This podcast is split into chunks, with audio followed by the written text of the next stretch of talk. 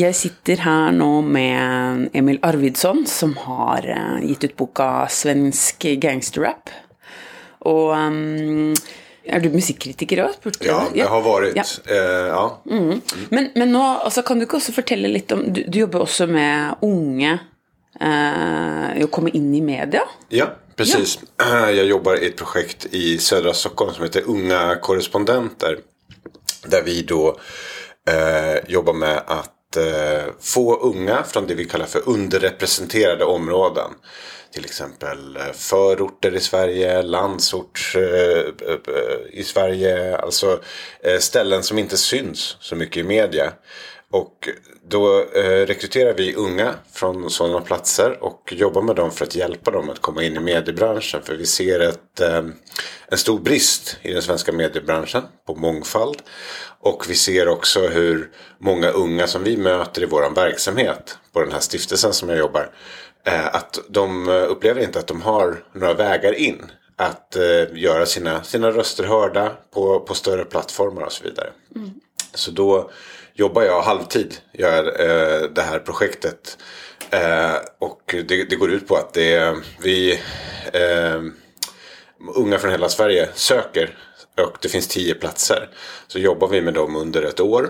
Vi har mentorsprogram också tillsammans med Aftonbladet. Eh, som är Skandinaviens största nyhetskälla. Där alla unga får en mentor på Aftonbladet. Som de jobbar med tillsammans under det här året. Och så jobbar de med mig då som, som redaktör och gör journalistik. Eh, och det kan vara i ljudform eller textform eller, eller film. Eh, men eh, det, det, det är ett, ett väldigt eh, intressant projekt som har gett eh, bra resultat tycker jag. Kult. Ja, nej, jag, ble, jag syns det hörs ut som något Norge. Alltså, ja. vi borde få i Norge också. Um, fordi ja, jeg tenker jo det, det har jo veldig mye å uh, Altså det er jo knyttet også til den boken du skriver, ja. skriver om. Så jeg, du har jo skrevet boka ferdig. Ja. Um, for der toucher du jo innom så mye forskjellig, men som alt er sammenknyttet. Uh, alt fra klasse til, ja. til, um, uh, til kriminalitet og juss og moral og um, Ja, um, ja.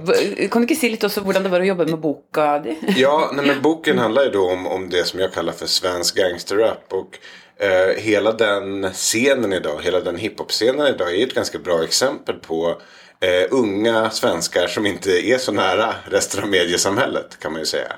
Eh, det är en scen som idag växer i sin egen lilla bubbla eh, på nätet. Sin algoritmstyrda bubbla. Som ofta inte möter resten av mediesamhället. Förutom då i, i kriminaljournalistiken, i krimjournalistiken. Så omskrivs den här musiken mycket. Men inte så ofta längre då på kultursidor eller på nöjessidor. Eh, jag ska inte säga att det aldrig händer. Men om man jämför med hur stor den här musiken är bland Sveriges unga. Så är den inte så, så väl bevakad från ett, eh, en, en, en kulturell vinkel kan man säga. Vad, tänker du är huvudproblemet med att um, man i, ja, i svenska medier, kanske också ja, i norska redaktörsstyrda medier, mm. uh, inte uh, följer nog med, uh, slik att man får dessa då alternativa um, vad ska man säga, kontona som, ja. som sprer innehåll på internet. Som, som jag själv också följer med på, må jag ju säga. Mm -hmm. Um, som vi, vi hade ju en samtal igår, men uh, jag nämnde ju då att jag följer med på Orten Sverige och lite, lite andra kontor, men jag märker ju att man, sprer, man har ju inte samma förhåll till, eh, till Vær varsom-plakat och, och ryktespredning och sådana ting. Um, ja. Nej, nej, och i, på den här scenen då, de här, de här kontona som du, som du pratar om som ju blir fler och fler och byter namn och, och sådär. Men jag menar i den, i, den, eh, i den världen helt enkelt så så är det inte så många journalister som, som jobbar.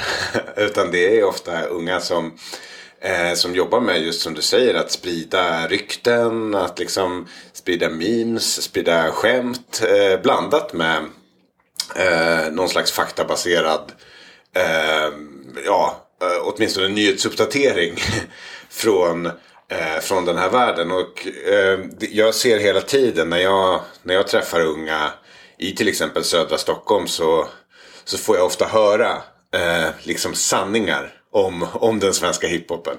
Det är ju såklart väldigt intressant för mig att, att diskutera det här så jag gör gärna det. Men jag hör ju också att väldigt många unga har ju skapat sig en bild om vad som händer i till exempel gängkonflikter eller i, i samhället i stort utifrån en blandning av vad en rappare säger i en låt och vad någon skriver på ett sånt här konto. Mm.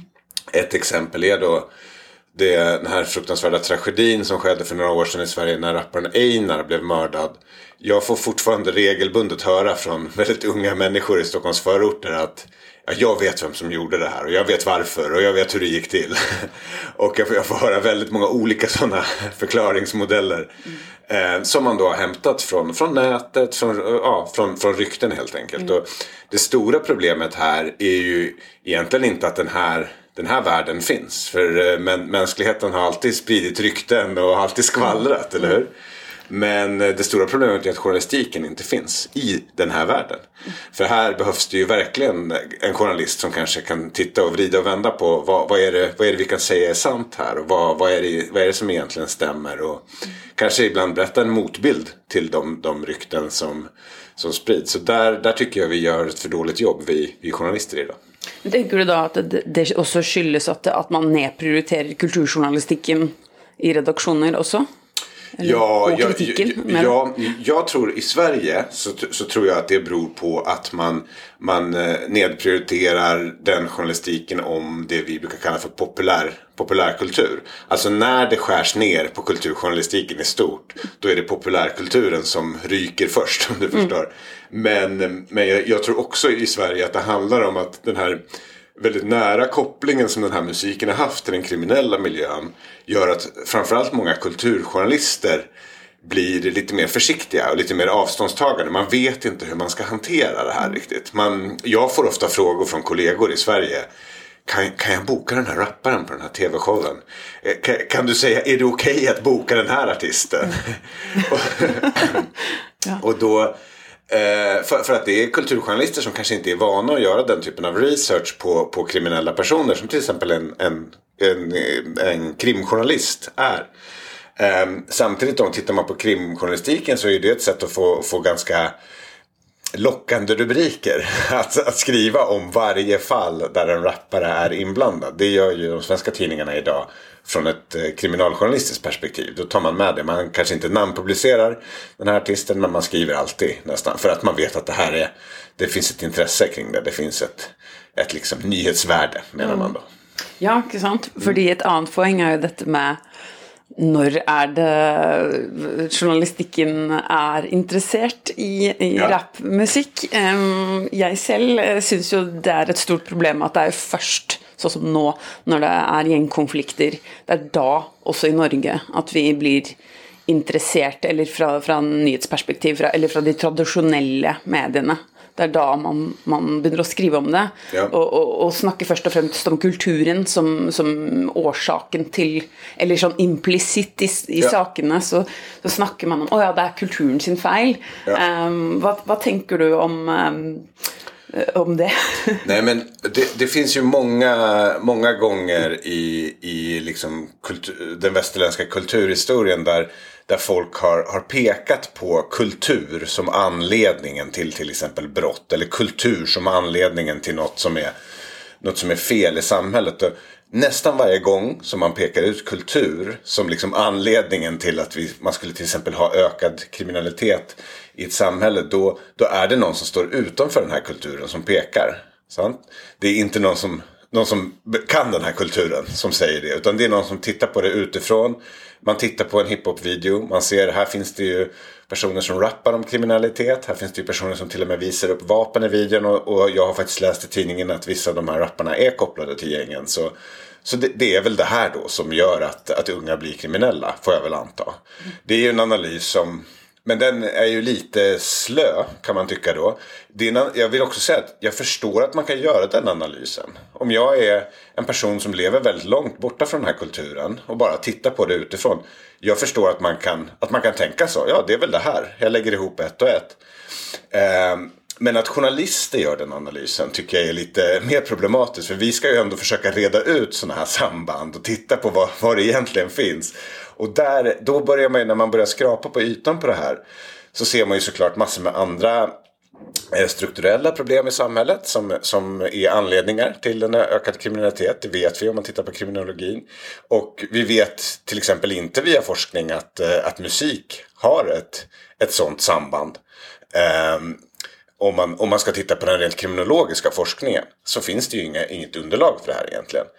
Men um, kan, kan, du säga något, är det någon forskning du har sett på som... som... Nej, det är som vanligt, som vanligt i, i, den svenska kriminologin så ligger man efter den här gängvågen ganska mycket. Men jag har pratat med vissa kriminologer som är, som är intresserade av att titta på, på de här kopplingarna och så. Men egentligen så blir det ju kanske inte längre kriminologi vi pratar om då. Utan det är väl någon kulturvetare som behöver göra det här kanske. Mm.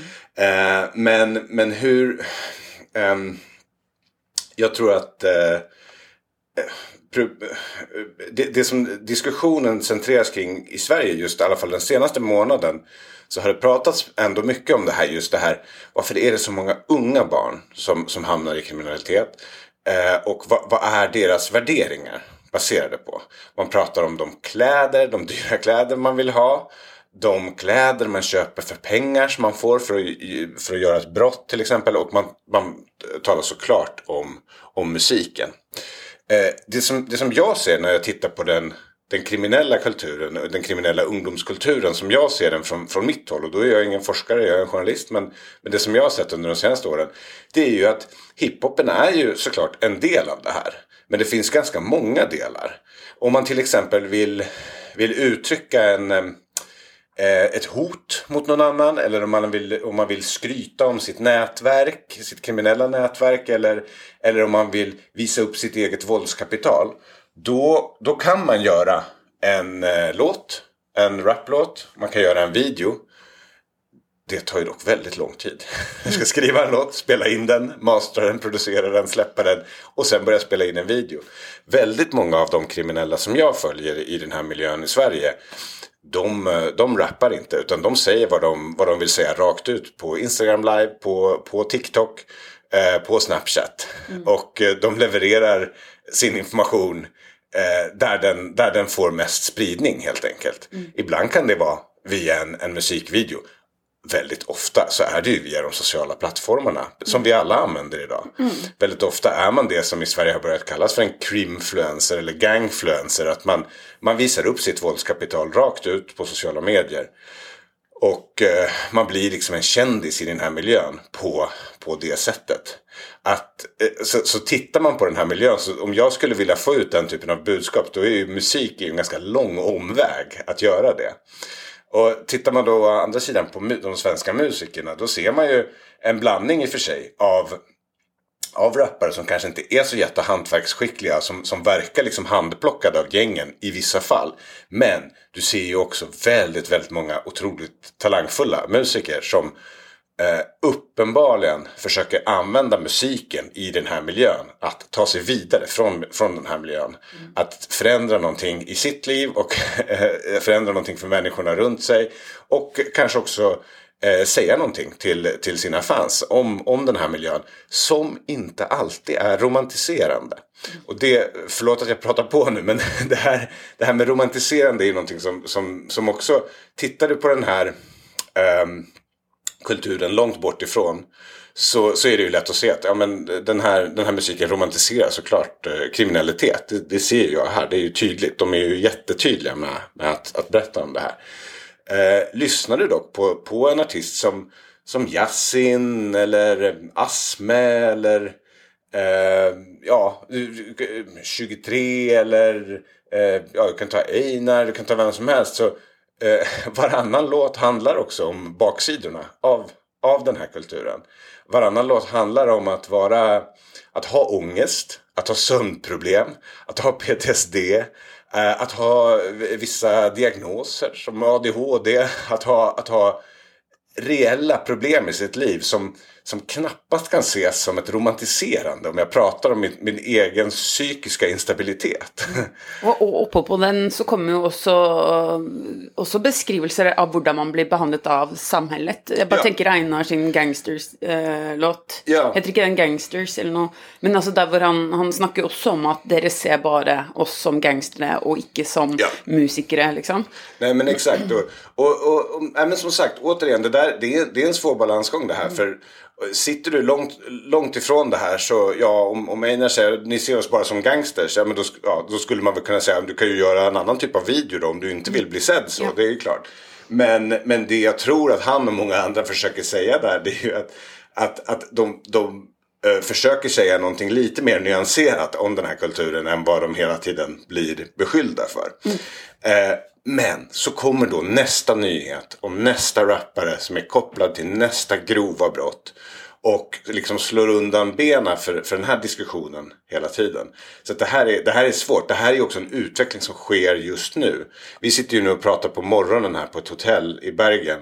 Och jag åkte hit i, i, igår. Och varje morgon den här veckan så har jag vaknat av ett tillmord. I, eh, att det har varit ett tillmord i Stockholm. Och nu har det precis skett en skjutning inne i en villa hos en släkting till en gängmedlem. Där man har liksom gått in och skjutit mot en hel familj. Och det här är, det här är ju... Det Sa inte du också det var likvid där du bodde? I, alltså det var i, ja, igår? och det var igår. Ja. Men idag så har det skett en till. Ja, oj, ja, shit. I natt då.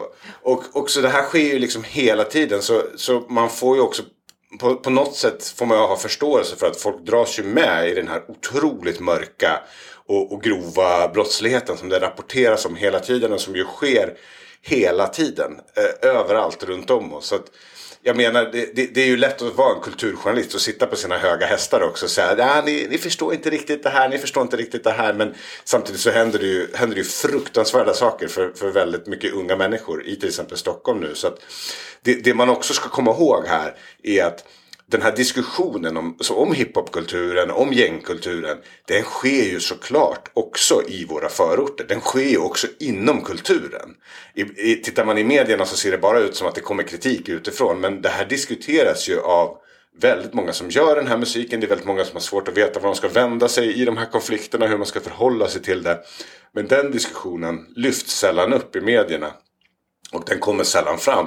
Ofta för att artister inte faktiskt vågar prata öppet om det här. Det är ett problem. Det finns ju en tystnadskultur nu inom den här scenen för att det har blivit så otroligt mycket våld eh, runt om den så att säga. Ja, um, och när du snackar också om att uh, artister inte alltid kan snacka mm. om ting. Um, du skriver ju också lite om, om det att, att eller ställer nästan spørsmål ved ja. hvor mye sanning kan de fortelle selv. Um, ja. Du påpeker at, uh, uh, at det er jo andre ting man heller kunne skrevet om uh, når det kommer till vad alltså krim, kriminella gärningar som, som ja. artister gör. Precis. Ja, nej, men man, man, man pratar ofta om det här, det, det finns en missuppfattning menar jag om, om eh, hiphopartister och då rappare som att de, de, är, de är reportrar. Alltså de är journalister, de berättar från den liksom mörka delen av samhället. Eh, och den, den missuppfattningen kommer ju från att att eh, många artister kommer från, från platser i samhället där det inte finns så mycket reportrar. Där det inte finns så mycket journalistik till exempel. Tar man då en person som Yassin som kommer från Järvaområdet i norra Stockholm. Så är det många som ser honom som en, som en, en viktig röst därifrån. Och då blir många andra ganska arga. Var, varför ska den här personen som har, som har kopplingar till de kriminella nätverken vara en viktig röst för det här området? Eh, och det kan jag förstå. Om vi liksom bortser från hiphopkulturen en stund här så, eh, så, så, så, finns det ju tiotusentals människor i Järva som också gärna skulle vilja ha sin, sin röst hörd, eller hur? Och eh, problemet då med att se en, en rappare som, som en reporter det blir ju att, att man då inte ser rapparen som, som en konstnär helt enkelt. Eh, när jag tittar på, på till exempel vad, vad de nätverk som, som till exempel jazzen är knuten till ett nätverk som kallas för Shottaz. Eh, vad de egentligen tjänar sina pengar på så ser man eh, så, så, så, är det överallt i, i den här miljön och så ser man att man, man tjänar ofta mera pengar på bedrägerier. På det vi kallar för välfärdsbrott i Sverige. Alltså att, eh, att göra, begå bedrägerier mot Försäkringskassan. Att göra telefonbedrägerier mot äldre pensionärer och lura av pensionärer pengar. Eh, det tjänar de här nätverken mer pengar på än på att sälja knark. Eller att begå våldsbrott. Och man hör ju inte så många raplåtar om försäkringsbedrägerier. Man hör ju inte så många hiphoplåtar om att, om att lura gamla tanter på sina sista besparingar. Mm. Eh, och det är ju för att det är inte lika det är ju inte lika dramatiskt, det är ju inte lika sexigt eller vad man nu ska kalla det. Eller kanske inte lika manligt. Inte, alltså, inte alltså lika manligt, ja, absolut ja. inte lika manligt. det är liksom. Nej, precis. Och, men återigen då så speglar ju faktiskt också hiphopen det samhälle som vi har. För du, för du ser ju inte heller en tv-serie på Netflix som handlar om bara de här bedrägerierna. Mm. Eller hur? Och när vi reportrar, vi journalister skriver om den här typen av bedrägerier. Vilket ju vi försöker göra då, då, då klickar inte ni som läser lika ofta på de artiklarna. Men när jag skriver om, om ett våldsbrott eller när jag skriver om en rapartist som är kopplad till ett brott. Då är det många fler som läser. Det, det är ju så det fungerar i hela samhället, inte bara inom hiphopen. Mm. Men jag menar, eh, anledningen till att Yassin bl blir kallad då en reporter eller en röst från Järva. Det är ju att det saknas andra röster. Det är ju återigen då att journalistiken inte finns där på samma sätt som den finns i andra delar av till exempel mm. Stockholm. Mm.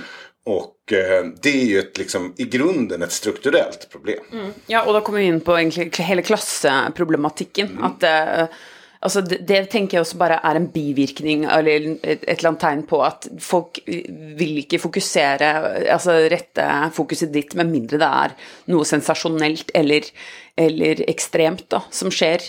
Eh, sant? Ja. At jeg, jeg selv syns jo det er veldig viktig å snakke om, men ja. som, som, man snakker altfor lite om. Og det er jo det samme i, i Oslo også, at, at man, man, man, bryr seg for lite om hva som skjer på østkanten.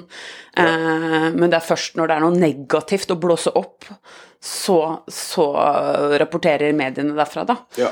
Så hva, hva, tenker du altså, når det kommer til altså, Jeg tenker jo også at Sverige har mye større klasseproblematikk og store forskjeller, da.